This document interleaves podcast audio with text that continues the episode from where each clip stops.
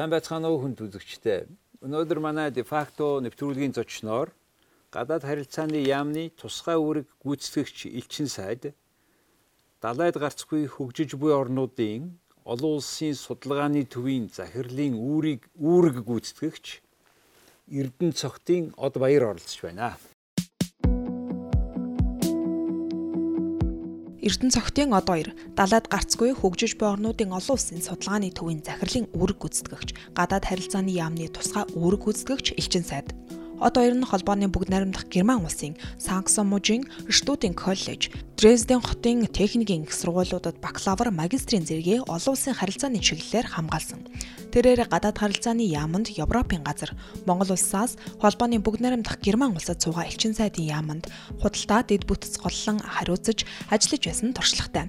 Далайд гарцгүй хөгжиж буй орнуудын олон улсын судалгааны төвийн үйл ажиллагааг эхлүүлэх төслийн зохицуулагчаар 2012 оноос ажиллаж эхэлсэн бөгөөд одоогоор захирлын үр гүйцэтгэгчийн албан тушаал хашиж байна. За сайн байна уу та? Сайн сайн байна та. За далайд гарцгүй орнуудын хувьд хамтарч ажиллана тийм ээ. Тэгээд судалгааны төв байгуулна гэж ийм яриа гарсаар байгаад ингээд Монголд байгуулагдаад та энэ ажлын энэ захирлынх нь үүргийг гүйцэтгээд бас даруй хэдэн жил болж байна. Одоо 6 жил болж байна. 6 жилийн ажил ингээд ерөнхийдөө явагдлаа. Өнөөдөр ямар төвшөнд байна? Яагаад ингэж байгуулагдсан?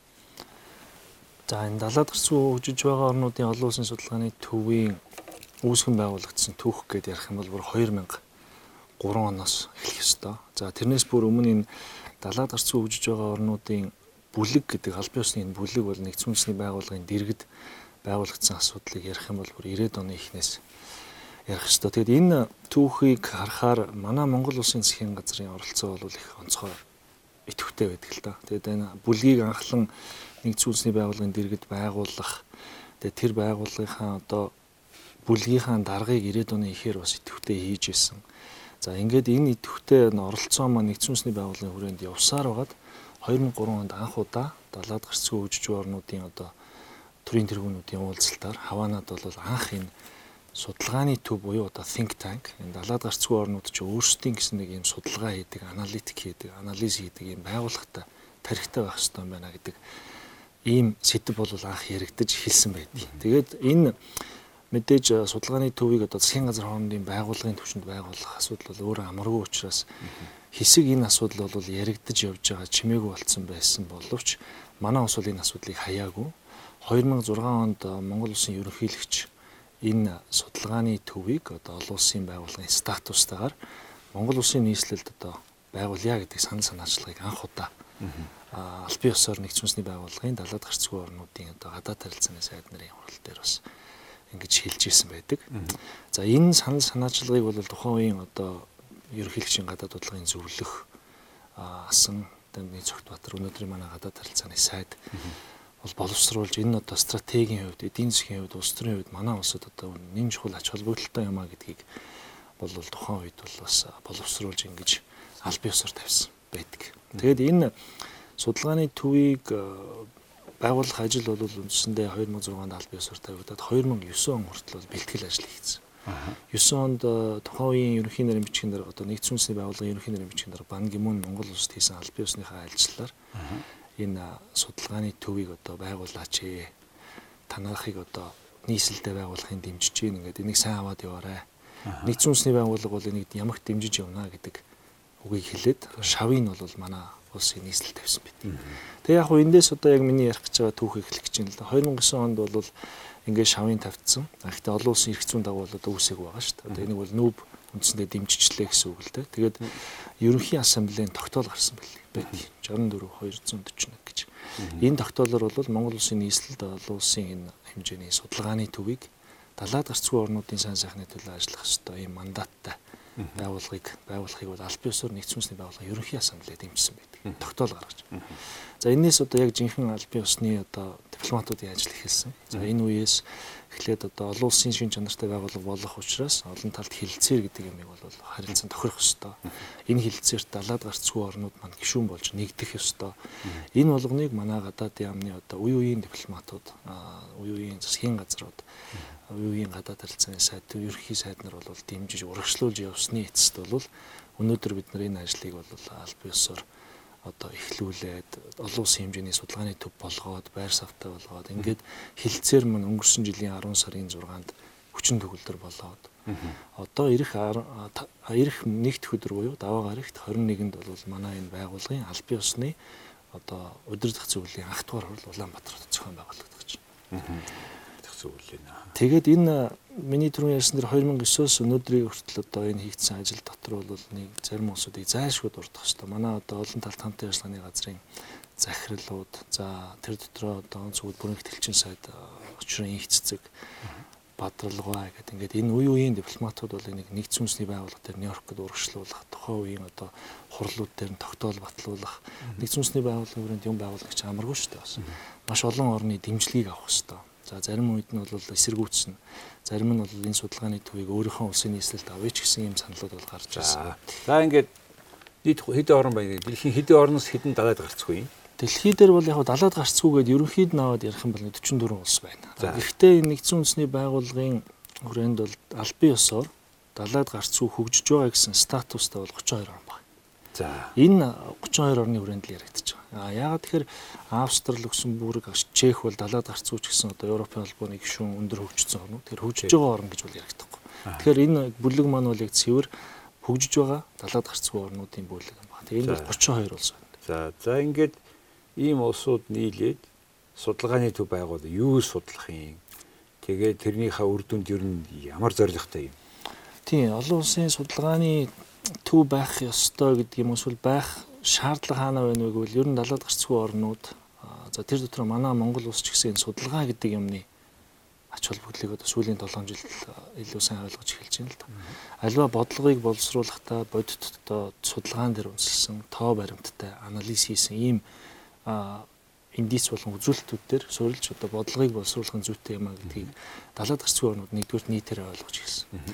Өмнө нь бол яадаг байсан бэхээр дэлхийн одоо худалдааны байгууллага гэдэг юм уу нэгдсэн үндэсний хөгжлийн хөтөлбөрийн одоо нэг зөвлөх ирээд нэг судалгаа хийгээд за танаа улсад нэг иймэрхүү хөтөлбөр хэрэгтэй байгаа юм байна гэдэг юм уу. Ийм байдлаар одоо хийгээд үндсэндээ барууны гэдэг юм уу одоо тэр нэгдсэн үндэсний байгууллагын одоо маш өндөр үнэтэй өртөгтэй судлаачдын а гаргасан судалгааны дүгнэлт үнэлэмжээр бол ингээд бодлого нь явдаг байсан. За тэр нь далайд гарцтай болвол яах юм? Гарцгүй байвал яах юм?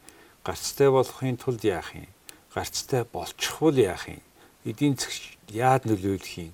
гэдэг энэ талаар бодлого модлого шийдвэр гаргуулахын тулд энэ талаар судалгаа хийх гэдэг шүү дээ. Яг үнэ тий. Миний тэр түрүүний ярьсан судалгаанууд бол үндсэндээ дандаа далаад гарцтай одоо томоохон эдийн засгтэй орнуудаас хийсэн судалгаанууд дээр үнслэхдээ тэр бодлого нь явагдаад байсан гэсэн үг. Тэгээ тэр бол болохгүй юм байна. Энэ бол ер нь бидний яг хэрэгцээг хангахгүй байна гэдгийг бол далаад гарцгүй орнууд ойлгосон учраас энэ судалгааны төвийг байгуулад одоо өөрсдөө зөв зөвтэй судалгааг олон улсын одоо чанартайгаар хийя гэсэн нэг ийм бодлого байсан. За энэс гадна бол мэдээж далаад гарцгүй орнууд чи яхаараа юу н онцлог юм. Яагаад эднэрт тусгайлан судалгаа хийж өгснө гэдгийг асуудлыг ярих хэрэгтэй бол. Тэгэхээр хэдийгээр энэ 32 орн чинь одоо 16 нь Африкт, 4 нь Европод, 2 нь Өмнөд Америкт, за бусд нь энэ Төв Аз болон манай Өмнө зүүн Өмнөд Азад байгаа ингээд түүх, соёл иргэншил, улс төрийн систем эдийн засгийн үзүүлэлтээр шал өөр ондоо орнууд мөртлөө бидний өмнө тулгарч байгаа хүндрэл бэрхшээл хүндрэл бэрхшээлүүд нь бол эднийг нэгтгэхэд байгаа. Жишээлбэл далаад гарцгүй нөхцөл байдлаас болоод энэ далаад гарцгүй орнууд одоо манай Монгол улс тэрэнд нөрөн шүү дээ. Аа болоод эдийн засгийн өсөлт нь одоо бага байдаг. Нийтэд нь аваад үзэх юм бол далаад гарцгүй 32 орныг харьцуулаад үзэхээр дэлхийн одоо хөгжлийн түвшнээс бол 20%-аар далаад гарцтай орнуудаас бол 20%-аар буурай байдаг.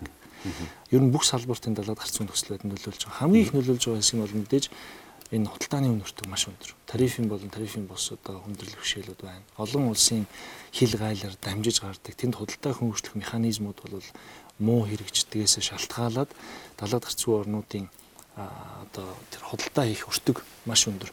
Би танд ганц хоёрхан жишээ хэлээ л да. Одоо далаад гарцгүй орнуудыг дунджаар наваад 32 орн. Далаад гарцгүй орнууд одоо 40 тонны контейнер экспортлъя гэж бодоход дунджаар 38 хоног зарцуулж байгаа. А гэтэл одоо дамжин өнгөрөх орнууд буюу далайн далайн гарцтай орнууд одоо манай хувьд бол Хятад болон Орос улс, Оросын холбоос дунджаар 21 хүн өдөр зарцуулж байна. А Монгол улс маань ихэд одоо энэ далайд гарцгүй дундчаасаа бүр өндөр 44 өдөр зарцуулж байгаа шүү дээ. За энэ импорт дээр бас адилхан. Далайд гарцгүй орнууд 49 хоног зарцуулж иж 40 тонн контейнер А цэгээс Б цэгд орж ирдэг. Монгол улс маань бол энэ дээр яг импортын хувьд харьцангуй гайгүй 45 хоног. А гэхдээ далаад гарцтай орнууд төр бол 26 хоног байж байгаа. Тэгэхээр энэ бол өөрөө бодит хүндрэл бэрхшээлгүй саад дотор. Юу яах вэ? Жишээлбэл 20 хоног аль нэг газар байсны төлбөр гэж нэг явж байгаа шүү. Тэр чиний контейнер чинь. Тэгж 40 тонны контейнер Японоос яваад Тинжин дээр ирээд тэг ингээд нааш дунджаар л Японд ойрхон байх за Америкаас арай хол байх гэх мэт. Энэ зүгээр нэг хүний хөлөг онгоц дээр зогсож байгаахийн төлөө бидний өгж байгаа төлбөр өндөр байна гэж хэлж байна тийм ээ. Тий зөвхөн зогсохоос гадна бас ерөөсөө тэр тээвэрлэлтийн хугацаа нь одоо нэг гайл татвар хамгийн мод төлөөл гараад бүрдүүлэлтээ хийгээл тэгээд тээвэрлэлт явагдаад яг одоо худалдан авагч нөгөө контейнераа хүлээж автлаа. Энэ бол таны та нарын өнөөдрийн судалгаа хийж байгаа нэг яг тоо байранд судалгаа гэдэг чинь маш нарийн тоо байранттай минут секундтэй хийж байгаа ажил шүү дээ тийм ээ. Тэгээ орон болгон өөрийнхөө мэдээллийг данныг өгөх дата өгөх ёстой тий. Танаар том датабейс бий болгох нь байна тийм ээ. Тэгж байгаа тий. Тэр датабейсийг бий болгох чинь тусдаа систем юм уу, UN систем юм уу, өөрийн датабейс юм уу, ямар софтвер ашигласан юу болдгийг энийг яаж хийж байгаа. Энийг бол бид нар үндсэндээ хоёр янзаар хөгжүүлж байгаа. За нэгдүгээрт бол мэдээж далаад гарсан үжигчнүүдийн олон улсын судалгааны төв нүүбийн мандаттай байгууллага учраас нэгдсэн үндэсний байгууллагын системийн байгууллагуудын датабейс руу шууд орох эрх нь нэгдэж байгаа. Аа за. Жишээлбэл нэгдсэн үндэсний байгууллагын худалдаа хөгжлийн баг хурал. Тэн дээр бол одоо Comtrade гэж үгтаа тий. Унгтаадын одоо том дата трейд бол байдаг. Тэнд трейд дата гэж байдаг тийм. Тэнд бол одоо шууд нэвтрэх тэр датанд орох одоо ийм том юм байна да. За энэ бол маш том асуудал, маш чухал. А гэхдээ бид нар энэс бүр цаашаа явж байгаа. Энэ бол нэгдсэн үндэсний байгууллагын одоо UN статын дата шүү дээ. За энд бол бүх далаад гарцгүй орнууд 32 бол одоо зөв зөвтэй мэдээлэл өгдөг гэсэн баталгаа бас байхгүй. Заримдаа тэрийг одоо өгдөггүй. За зарим нь бол тэр нь одоо хуучирсан байдаг ч гэдэг юм. А гэхдээ харамсалтай нь өнөөдрийн байдлаар бол бүхэл одоо олон улсын судлаачид энэ тоонуудыг хэрэгжилж байгаа. За манайх яагаад нэг алхам цаашаа явсан бэ гэхээр энэ далаад гарсан үжиж буй орнуудын судалгааны төвийг байгуулснаар бид нар яг гишүүн орнуудын дотоодын судалгааны төвүүд болон ихтэй сургуулиудтай түншлэн ярилцаатай. Энийгээ тогтоож өдөр тутам өргөжүүлж идэг. Тэгэхээр бид нар юу гэж үздэг вэ гэхээр альва улсын талаар судалгаа хийж байгаа бол хамгийн зөв датаг л авах хэрэгтэй. Тэр дэлхийн банкны биш а одоо анктадын биш. Тэрийг харьцуулаад хамгийн зөв датагийн дундаас нь гаргаж авах хэрэгтэй гэдгээрээ манай судалгааны төв бол өөрийн гэсэн датабейс бүрдүүлээд та нарын хийсэн гаргасан судалгааны тайлан чинь өөрөө ус энэ 31-р нар 32 орнондоо том гарын авлага болж байна. А эдгээр хөршүүттэйгээ одоо нэг дадаад гарцгүй юм шиг та түрүү яриаш хэд хэдэн хуурай хилээд амжихта зөндөх зөрийн асуудал байгаа гэж тий. Тэрэн дээр гэрээ хилцээр ихэд тоо баримт орж ирэх нь шүү дээ өө чи ягаад над тусах ёстой вэ гэвэл ийм юм яг. Тэгэхдээ ер нь бол UN-ийн анхны тийм конвенц байгаа тийм далайд гарцгүй хүмүүстэй далайд гарцгүй орнуудад далайд гарцсан тусалъя гэсэн тийм юм байна. Тэгээ наад чинь маш том сонирхолтой сэдв. Тэгээд маш олон судлаачид шийдвэр гаргаснаар буруугаар ойлгодог. Далайн эрх зүйн тухай одоо нэгдсэн үндэсний байгууллагын конвенц гэж байгаа. Энд бол далаад гарцгүй орнууд дийлэнх нь нэгдсэн. Манай улс ч гэсэн нэгдсэн байдаг. Тэгээд буруу ойлголт нь ямар байдаг вэ гэхээр далаад гарцгүй учраас энэ хилцээрт нэгдээд орсон л бол одоо нөгөө далаад гарцтай орнууд нь далаад гарцгүй орнуудаа одоо тусгайлан тусалж дэмжлэг үзүүлж одоо зарим үед бол одоо бүр далаад гарцтай үнгүү гаргах барих энэ нэмийг бол одоо тусламжаар өгсдөө гэсэн нэг юм. Буруу ойлгоцсон байгаа байна. Энэ бол буруу ойлголт. За хилцээрийн текст яг ямар байдалтай байдаг вэ гэхээр далаад гарцгүй орнуудыг далаад гарцгүй дээр нь одоо үндэслэж ялгарлан гадуурхаж болохгүй л гэсэн залт. Тэр нь юу гэсэн үг вэ гэхээр далаад гарцтай оронтой ижил нөхцлөөр тэднэрт бол далаад гарах гарцыг бол бий болгоно гэсэн. Тийм ямарваа нэгэн улс төрийн шалтгаанаар нөгөө улсын хаагаас уугаад байж болохгүй гэсэн үг юм байна шүү. Хааж болохгүй гэсэн. Тэр нь бол тэр ч бас их л том чухал бид нар шиг хувьд бол чухал чухал чухал зал хоёр талын хилцээ хийгээд тэнд одоо далаад гарах гарцаа хилэлцэхэд бол маш том одоо гарын авлага гэдэг юм одоо тийм одоо үндсэн суурь нөхцөлийн эргэцэн нөхцөл нь бүрдүүлж өгч байна гэсэн. А харин энэ юу гэсэн үг биш вэ гэхээр би далаад гарцсан учраас та нар надад одоо үнгөө гарц өгөх ёстой гэж ойлгож байна. Биш тийм. За нөгөө талаас энэ конвенц байна гэдэг чинь бодвол манай хөршүүд нэгдсэн баг тийм. Нэгдсэн байна.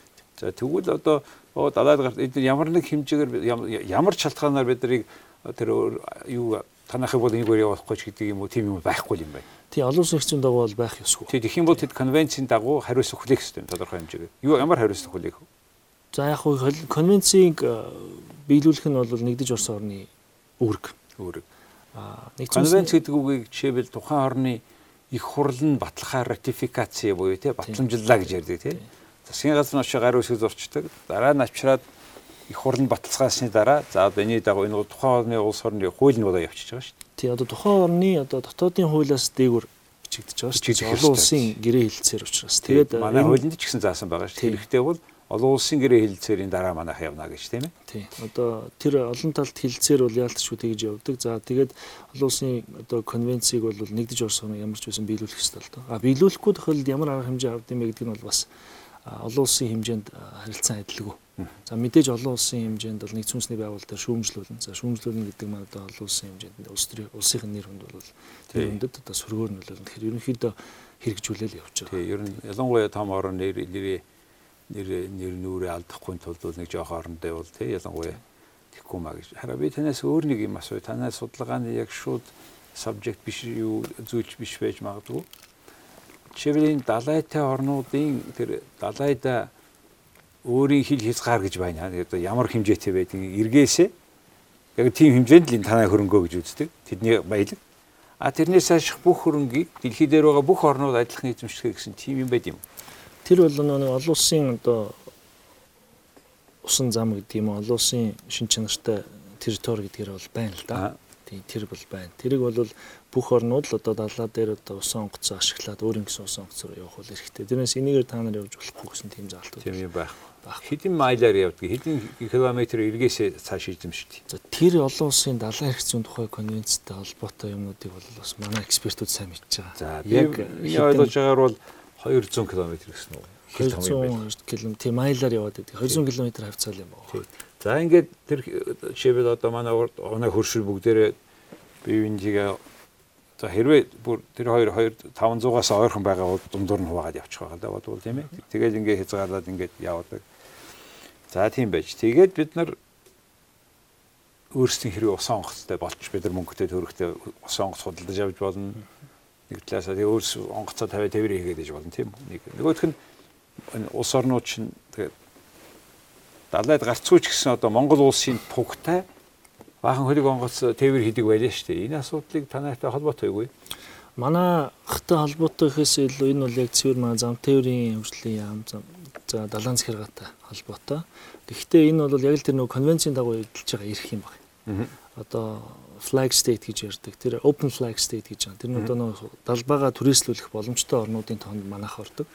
Тэгэхээр эдгээр орнуудынхаа энэ эрхээ эдлээд одоо үндсэндээ бас манай улсын төсөвт тодорхой хэмжээний орлого орж идэг. Энэ тоонууд нь бол манай далайн захиргаа дээр байт юм лээ. Манай далайн захиргаатай манай судалгааны төв бол бас хамтын ажиллагааны санамж хүчтэй мэдээлэл харилцан солилцож байдаг. Энэ салбарт бол та түрүүн хэлсэн бас тэгээд далаад гарцгүй зарим орнууд, гарцтай орнууд гэсэн манай далбааг түрээслээд явдаг юм байлээ. Ийм юм бол байдаг юм байлээ. А энэ манай судалгааны яг матери болж одоохондоо бол амжааг байгаа. Манай нэг судалгааны төв нэг хүндрэлэнч гэдэг юм одоо бас хязгаарна гэдэг юм уу олон улсынхаа гэрээ конвенцийн дагуу өөр одоо салбарт юм уу эсвэл өөр байгууллага энэ сэдвээр судалгаа хийж ивэл манайх тэрийг давхардуулж хийж болохгүй гэсэн. Одоо нэг мөнгө хэмнэх зарчмын дагуу. Тэгэхээр энэ далбааг ашиглаж байгаа энэ сэдвэр бол одоо дэлхийн томоохон орнууд, дээрээс нь далбай түрээслэгч орнууд, нэгдсэн үндэсний байгууллагын IMO тийм ээ далайн байгууллага бол энэ талаар маш олон судалгаа гаргасан байдаг. Тэгээ энэ энэ дээр бол манайх бол тодорхой судалгаа хийж амжаагүй шаардлагагүй гэж үзэж байгаа. Аа гэхдээ бол манай далаад гарсан үжиж орнуудын судалдаг сэдв нь бол энэ порт менежмент буюу энэ далайн бомтын менежментийн асуудал. Яаж одоо далаад гарцгүй орны хувьд далайн одоо бусад далаатай орны бомтыг өөрийн болгож ашиглах вэ гэдэг. Одоо нөгөө хоёр хүчтэй ярьж байгаа асуудал яригдж шít. Энэ дээр бол бид нар тодорхой судалгаануудыг эхлүүлсэн байдаг. Энэ дээр бол тодорхой хэмжээний сургалт семинарыг бол явуулсан. Үгүй ажил их юусэн ш. Тинжинд чинь одоо Монгол порт байгуул нь яасан яасан юусэн блэ дарга нар чинь баахал амлаа дахиад байсан. Тэр нь хаа байгаа одоо. Тэгээ яг наадах чинь бол яг цэвэр манай бид нар бол судалгааны төвийн хувьд бол яаж үздэг гэхээр энэ судалгааны хүрээнд энэ бомтыг ашиглах одоо техник эдийн засгийн үндэслэл нь ямар вэ? Ашигтай юм уу? А олон улсын эрх зүйн хувьд яаж баталгаажсан? А хоёр талын гэрээ хэлцээрээр тохирсон бол энэ дээр нь ямар боломжийн өөр одоо олон улсын гэрээ конвенцэнд олгогдсон боломжууд байна гэдгийг харж судалдаг ийм л судлах ёстой байгууллага. Судлах ёстой байгууллага. Гэхдээ энэ бүх судалгаа бол дөнгөж эхэлж байгаа. Одоо бол зөвхөн таавал зөвхөн үүрэг гүйцэтгэгч анх удаага энэ байгуулсан орнуудынх нь анхных нь гүйцэтгэх зөвлөлийнх нь хурал хурдах гэдэг шүү Монголд тийм ээ. Тэгээ тэрний дараа практик талаас нь яриад байна шүү дээ. Окей. За ингээд Монгол улсын төв байгууллаа. Өнөөдөр таны хэлснээр тэр улс орны анхдагч худалдааны мэдээллийг авлаа. Ер нь явандаа одоо тэр нэг тинжийн юм барина гэдэг энэ дарга нар нэг мөрөөдөд байгаа нэг юм байдаг шээ. Тэгээ баахан хүн суулгасандаа нэг хэсэг ажиллуулсан. Тэгээ юу болсон, яаж тарсан. Энэ манай засагч нь тэгээд төр засгийн солигдохоор хамаагүй ажил яасан мэдэг түүх алга болчиход байгаа юм л. Ер нь бол Оросд ч гэсэн тэ Владивостокт нодны ерөнхийлөгч очиход манай энэ хоёр портыг та нар авч ашиглаач гэдэг бүр онгоц нэстэг тэргээр авч үзүүлсэн шүү дээ хоёр порт. Тэгэхэд эдийн засаг унтсан Оросууд хямдхан хүнээр одоо газраа олон жилээр туристүүдийг ярьжсэн жишээ. Жишээлбэл бидний хувьд үнэхээр холч гисэн Владивостокт газар хэрэгтэй мөгүй юм. А Тянжин байна. Тянжинээс гадна наадлын хятадын хид хідэн 6 газар. Тий, Далиан. Тий, Далиан энэ та нар манай эндээс аваач гэдэг. Тэгээ аль нь авах нь ашигтай ингэдэг ийм практик тал руугаа та бүхэн танай судалгааны тийш хандах байхад найдаж ямар ч гэсэн Монгол иргэд тэр юм хүлээж байна. Нөгөө нэг юм жишээлбэл гэрээр хуулийн аглас гэл нэг дуучин нэг нэг аралд очивол нэг газраас нэг арал худалдаад авчих юм биш хоёр хүн. Гэхдээ одоо тэр хин Виржиниагийн Виржиниа Айленд хэм блэ. Хин чи Брансон чинь бас өөрийн аралтай тэн дээрээ парти хийгээл нэг хүн. Гэхдээ Монгол улс чинь нэг хүний Монгол улсынх нь нэг хүний нэг газар арал аваа. Тэр арал дээр нь хүмүүс нь очиод амраад байдаг юм боломж гарах уугүй юу? Болох уугүй юу? Тэрийг одоо хэлж мэдгүй болох л байлгүй дээ. Худалдаж байгаа арлыг худалдаж авах. Тэг нэг хүн аваад байгаа бол нэг хүн авч болох л байлгүй дээ. Болж ийм маягаар бид их практик хандмаар байгаа. Тийм яг тэгэд би түрүүний таны асуусан асуултанд бас манайх яг нөгөө хилцээр 40 төлдөр болоод өдөр зүйл анхлан хуралдах гэж байгаа ч гэсэн бид нэр 2012 оноос хойш бол олон улсын судалгааны төвийн төр нарийн бичгийн даргын газар гэж байгуулагдсан учраас яг энэ улс орнуудыг нэгдүүлэхийн процесстой хамт судалгаануудыг бол хийж гисэн. Яг тэн дотор бол энэ порт менежментийн судалгаанууд одоо нэгхэн судалгаа хийгдсэн байгаа. Бус нь бол дандаа олон улсын худалдаа, худалдаа хөнгөлөх асуудал, за эрүүл мэндийн салбарт нэг судалгаа хийгдсэн. Дээрээс нь энэ RCI буюу одоо энэ бус нутгийн интеграцчлалын асуудлыг бол далаад гарцгүй орнуудын хувьд яаж үзэх ёстой вэ? Энийгээр бас судалгаа би бас зарим судалгаанд тэнд авчирсан байгаа. Тэгээд Дээрэс нь бол энэ харилцан холбооны технологиг, мэдээлэл харилцан холбооны технологиг далаад гарцгүй орнууд яаж ил зүү зүйтэй ашиглах вэ? Энэ яг далаад гарцгүй орнуудад тулгамжийн асуудлаар судалгаанууд бол хийсэн байна. Мэдээлэл харилцаанд за жишээлбэл чи ийм асуудал байна шүү дээ.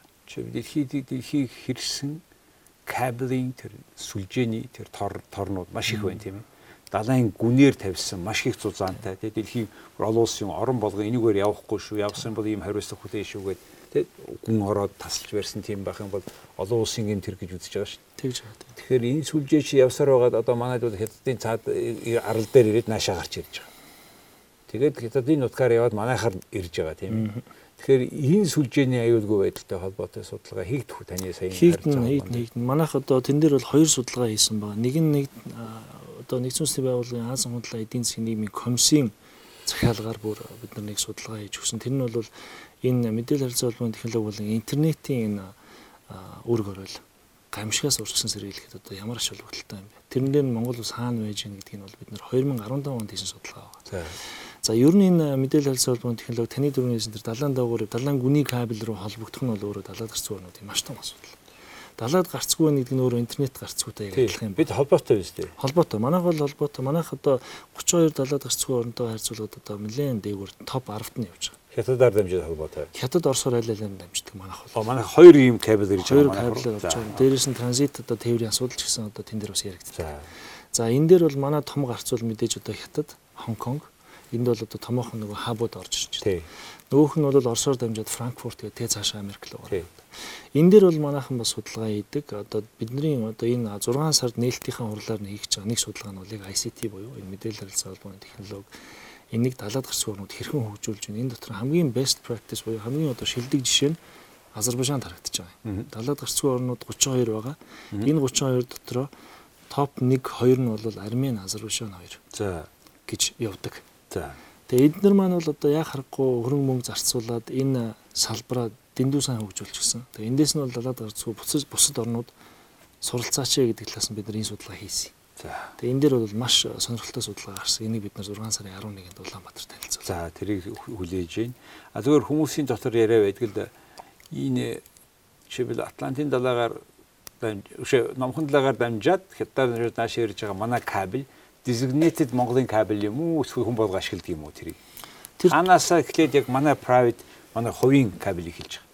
За ер нь бол манай хэллийн зааг хүртэл манай кабель явж байгаа. Энэ бол маш том хөрөнгө оруулалтын асуудал яригддаг учраас тийшээгээ холбох холбож өгөх нь бол эргээл нөгөө далайн бомб ашиглуулж байгаа шиг бас л нөгөө оронтой л бид нар хил дээрээс л холбогдож байгаа юм өөрийнх урд хил дээрээс. Тийм хилээсээ цаашаагаа бол дандаа гэрээ хэлцээрээр явчихж байгаа гэсэн үг тийм. А тэрнээс тэр далайн том кабелч бол томоохон корпорацууд, томоохон орнуудын л мэдлэлтэй. Үгүй өчргөө том тийм бүр асар том тийм тусгай тусгай зориултын материалаар хийцсэн далайн бүр гүний ёроол орон тавьдсан тийм ээ. А тэгэд 32 орн дотор харьцуулахад манайх бол топ 10 таа явж байгаа. За тэрнээс муу одоо Африкийн 16 орн дотор бол бүр одоо холбогдоогүй ийм орнууд байна. Тэгээд энэтэй холбогдоод бас далаад гарч орнуудын хөгжил, эдийн засгийн өсөлтийн асуудал За яригдсан. за тэгэхээр үнэхээр наад судалгааны төвчин манайд байгуулагдах юм бол улс төрийн болон эдийн засгийн ач холбогдол нь байгуулагдсан байна л да. Одоо ингээд цаашаа явах юм. Улс төрийн болон эдийн засгийн ач холбогдол нь материалыг тэр практикл өгж нэг хөндөр юм байна. За хоёлаа энэ нэвтрүүлгийг дуусгахаас өмнө нэг юм асуумаар байна. Та одоо ийм залуу хүн одоо герман хэлтэй, орос хэлтэй, шин ямар хэлтэй, англи хэлтэй үү? Англи, Франц. Франц. Англи, Франц, орос, герман. За Германд хэдэн жил ямар сургууль төгссөн? Хэдэн жил сурсан? Би Германд одоо энд 52 дуусар сургууль дөрөвдүгээр ангид төгсөөл явсан л да. Манай бас худалдааны төлөөлөгч байсан. Тэгээд тэгэл ер нь тэнцээ дараа нь элчин сайдын яамд бас манай дипломат байсан. Тэгээд тэр талаараа бас Германд томилогдож таарсан манай аав. Тэгэл Германд үндсэндээ бага сургууль, дунд сургууль, их сургууль төгсөөл. Тэгэл төгсөөд буцаж ирээл ер нь дандаа буцаж ирэхч гадаад яамдаа ажиллах юм сонирхолтой хүн байсан. Багын дипломат бол нэг Австралид багш байсан гэдэг чинь. Австралид би нэг хэсэг энэ магистр хийж байхдаа манай тэр сургуулийн дүрм дотор нэг юм байсан. Англи хэлтэй оронд заавал нэг жил болох хэрэгтэй гэж. Тэгээ тэр жил болохдоо зүгээр нэг одоо практик дасгалыгээ сууж авахгүй заавал ажиллах хэрэгтэй, багшлах хэрэгтэй гэсэн нэг юм дүрмтэй. Тэгээ тухайн үед бол уг нь тохиолдол 2001 онд юм байна. Америкийн нэгдсэн улсын одоо сенатын конгресст дадлага хийхээр болцсон байсан чинь нөгөө актер халдлага болоод тэгээд тийшээ явах нь бол үндсэндээ манай аав ээжийн зүгээс хориглогдоод тэгээ Австрали явж таарсан. Тэгээ Австрали яваад тэнд Сиднейгийн сургуульд дадлага хийж байхдаа бол бас тэр Дэвидсний сургууль гэдэгт бол багшилж ирсэн нэг жил багшилсан. За Австрали багшилсан. Тэгээ Германта Дрезден хотод Дрезден хотын техникийн сургуульд энэ олон улсын харилцааны магистр хийсэн сэдвчнийн Клинтоны Билл Клинтоны тийм ээ засгийн газрын гадаад бодлогын зарчим гэсэн сэдвтэй явж байгаа тийм яагаад нэг тийм яг тухайн үед Билл Клинтоны засгийн газар болон гадаад бодлого нэг сонин үе байсан л да. Та санаж байгаа. Тэр үед бол яг энэ сэдв бол маш тийм халуухан сэдв байсан. Тухайн үед 90-ад оны сүүлээр болсон дайнууд байна. Эдгээр дайнуудаас одоо тэр үед гаргаж исэн шийдвэрүүдийн одоо гадаад харилцааны онлын дагуу явсан юм уу? Эсвэл гадаад харилцааны одоо одоо яалтчгүй одоо тэр олон улсын шахалтаас болж гаргасан шийдвэрүүд юм уу гэдэг талаас нь судалж ирсэн ийм судалгаа. Энэ магистрийн ажлын юм судалгаа байсан. За. За та одоо ингээд өөрөө гадаад харилцааны яамд бас олон жил ажилласан. Одоо эргээд энэ тусгай үүсгэж элчин сайд. Тэгэхээр энэ ажилтай холбогдуулаад одоо судалгааны төвөө одоо та үүсгэх захирлынх нь үүрэг гүйцэтгэж тийм ээ Тэгээ яг бүс захирлын ажлыг ямар маягаар цаашаага өөр хүн томилдог юм уу? Ямар зарчмаар цаашаа явах? Тийм яг хөө түрүү нөгөө түүх ярьжсэн манай улс санаачилсан учраас энэ хилцээр хүчин төгөлдөр бол манай засгийн газар үндсэндээ энийг байгуулах ажлыг хариуцаад явж байгаа. Тэгээд энэ байгуулах ажил маань бол үндсэндээ дуусч шít одоо. Тэгэд энэ төр засгийн одоо төр засаглалын хэсэг буюу одоо тэр 2000 9 оноос хойш өнөөдрийн хүртлийн ажлыг бол манай засгийн газар мэдэж хийх ёстой байсан учраас тэгээд 2009 э, оны засгийн газрын хурлын 202 дугаар тогтоолоор гадаад харилцааны сайдад энэ ажлыг гүйцэтгэхийг даалгасан байдаг. Тэгээ тэрний дагуу гадаад харилцааны сайд бол өөрийнхөө мэдлийн одоо яамны нэг дипломатик томилоод энэ интерим захирал буюу одоо тэр төр захирлын томилж ажилуулад тэгээд надад тусгай үүрэг гүйцэтгэж элчин сайд гэдэг энэ албан тушаал томилохдоо ямар үүрэг өгсөн бэхээр энэ судалгааны төв олон улсын хэмжээнд байгуулагдсан байх хэрэгтэй. Манай олон улсын өмнө одоо хүлээсэн үүрэг амлалт бол биелсэн байх хэрэгтэй. А судалгааны төв бол өөрийн гэсэн ажилтнуудтай, өөрийн гэсэн биетэй, өөрийн гэсэн одоо эрх зүйн баримт бичгтэй тэгээд цаашдаа судалгаа хийгээд явах боломжтой бас ингээд нэг 6 судалгаа гаргацсан байх хэрэгтэй гэдэг үүргийг өгч ирсэн. Тэрнээс бид нэр давуулаад 10 судалгаа гаргацсан л да. Тэрний одоо 3-ыг бид нэр 6 сард бас танилцуулах гэж байна.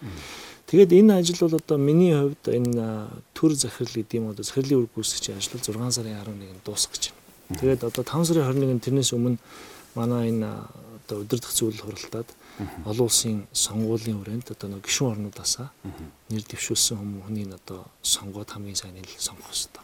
Ийм нэг манайх хүнээ дэвшүүлж болно. Манайх дэвшүүлж болон дэвшүүлсэн байж байгаа. Тэр нь миний бие дэвшиж байгаа. Тэгээд тэнд бол одоо өрсөлдөөд явж байна. За. Тий, ийм л Тэгэхээр англиар болоход танаас ч одоо international think tank гэж юм тийм ээ. Тэгж байгаа. 4LLDC гэж. Тийм өөрсдийн ном гаргадаг. Би сая таныг одны байнууныг бас энэ оны чиглэлийн хурал удирж яхахыг харсан. Тэр ямар хурал байсан бэ? За одоо ямар хурал нэсэн бид нар ч олон хуралд өргөдөж орж байгаа. Тэгээ нэгдсэн үндэсний байгууллага дээр ерөөхдөө энэ далаад гарцгүй орнуудын сайд нарын хурал гадаад хэргийн сайд нарын хурал жил болгон болдیں۔ За сэдвчилсэн хурлууд бол маш олон болдог. Ялангуяа тээвэр, олон улсын худалдаа, за олон улсын далайн зүй энэ чиглэлүүдээс олон хурал болдог л доо. Тэгээд миний тэр таны харсан хурал бодвол өнгөрсөн жил 10 сарын 6-нд хилцээр хүчин төгөлдөр болсны дараа нэгдсэн үндэсний байгууллага дээр очиж эрх зүйн баримт бичиг хүчин төгөлдөр боллоо гэдэг олон улсын хэмжээнд зарлах хурал болсон. Тэр л та ярьж байгаа л гэж бодож байна. Хэдэн хүн ажиллая? А хилцээрийн дагуу манад нэг 6 хүн ажиллах хэрэгтэй. За. Тэгээ тэр гадаадын хүмүүс байна. Гадаадын хүмүүс бол байна. Одоо бид нар бол Чехээс судлаач, Японоос судлаач, Люксембургээс судлаач ирсэн, ажиллаж ирсэн. Хугацаанд усаад явсан. Одоогийн байдлаар бид нар бол нийтдээ яг одоо Монгол ажилтан бол 6 надтай нийлээд олон улсын хэмжээний судлаачдыг бол бид нар одоо brain pool гэж нэрлэдэг. Одоо судлаачдын пул бол бүртгэж авдаг. Тэнд бол одоо үнэхээр олон улсын судлаачд байна. Нийтдээ нэг 25 судлаач бол манад бүртгэлтэй ажиллаа хийгээ явж байгаа. За та чухал ажлыг чухал цагт хийж байгаа юм байна. Энэ үнэхээр ач холбогдлоороо бол их томоохон юм байна.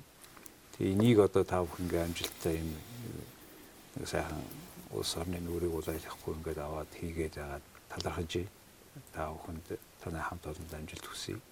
Тэгээ одоо та хөдөлгөөний дараагийн хурал болох юм байна. Сонгуул болох юм байна. Good luck. Амжилт хүсье. За баярлалаа. Энэ завшааны ажлаад бас таны ажлын багт шигсэн амжилт хүсье. Манай энэ судалгааны төвийн гарч байгаа бас бүтээгдэхүүнүүдийг бас мэдээж бас шийдвэр гаргагч нар болон хэрэглэгч нарт түгээхэд маш чухал байдаг. Сошиал медиа буюу энэ олон нийтэд харилцах энэ залбар маань бол чухал үүрэг барайл үүсдэг. Тэгээд энэ судалгааны төвийг Монгол улстай байгуулах нь үнэхээр чухал юм гэдгийг бол төвшин төвшөндөө ойлгож байгаа. Бас олон нийт маань ч гэсэн ойлгох ёстой. Тэгээд энэ бол үнэхээр миний хувьд ч тэ хувийн бодол бас манай Монгол улсын гадаад харилцааны салбарын одоо энэ залхамж чанар бол үнэхээр энэ судалгааны төвийг үүсгэн байгуулах ажил дээр үнэхээр тод харагдсан юм уу гэж би бодож байгаа. За баярлалаа. За хүн төзөгчтэй өнөөдөр манай де факто нэвтрүүлгийн зочноор гадаад харилцааны яамны тусгай үүрэг гүйцэтгэх шилжин сайд далайд гарцгүй хөгжиж буй орнуудын олон улсын судалгааны төвийн захирлын үүрэг гүйцэтгэгч Эрдэнэ цогтын Од Баяр оролцлоо. Баярлалаа.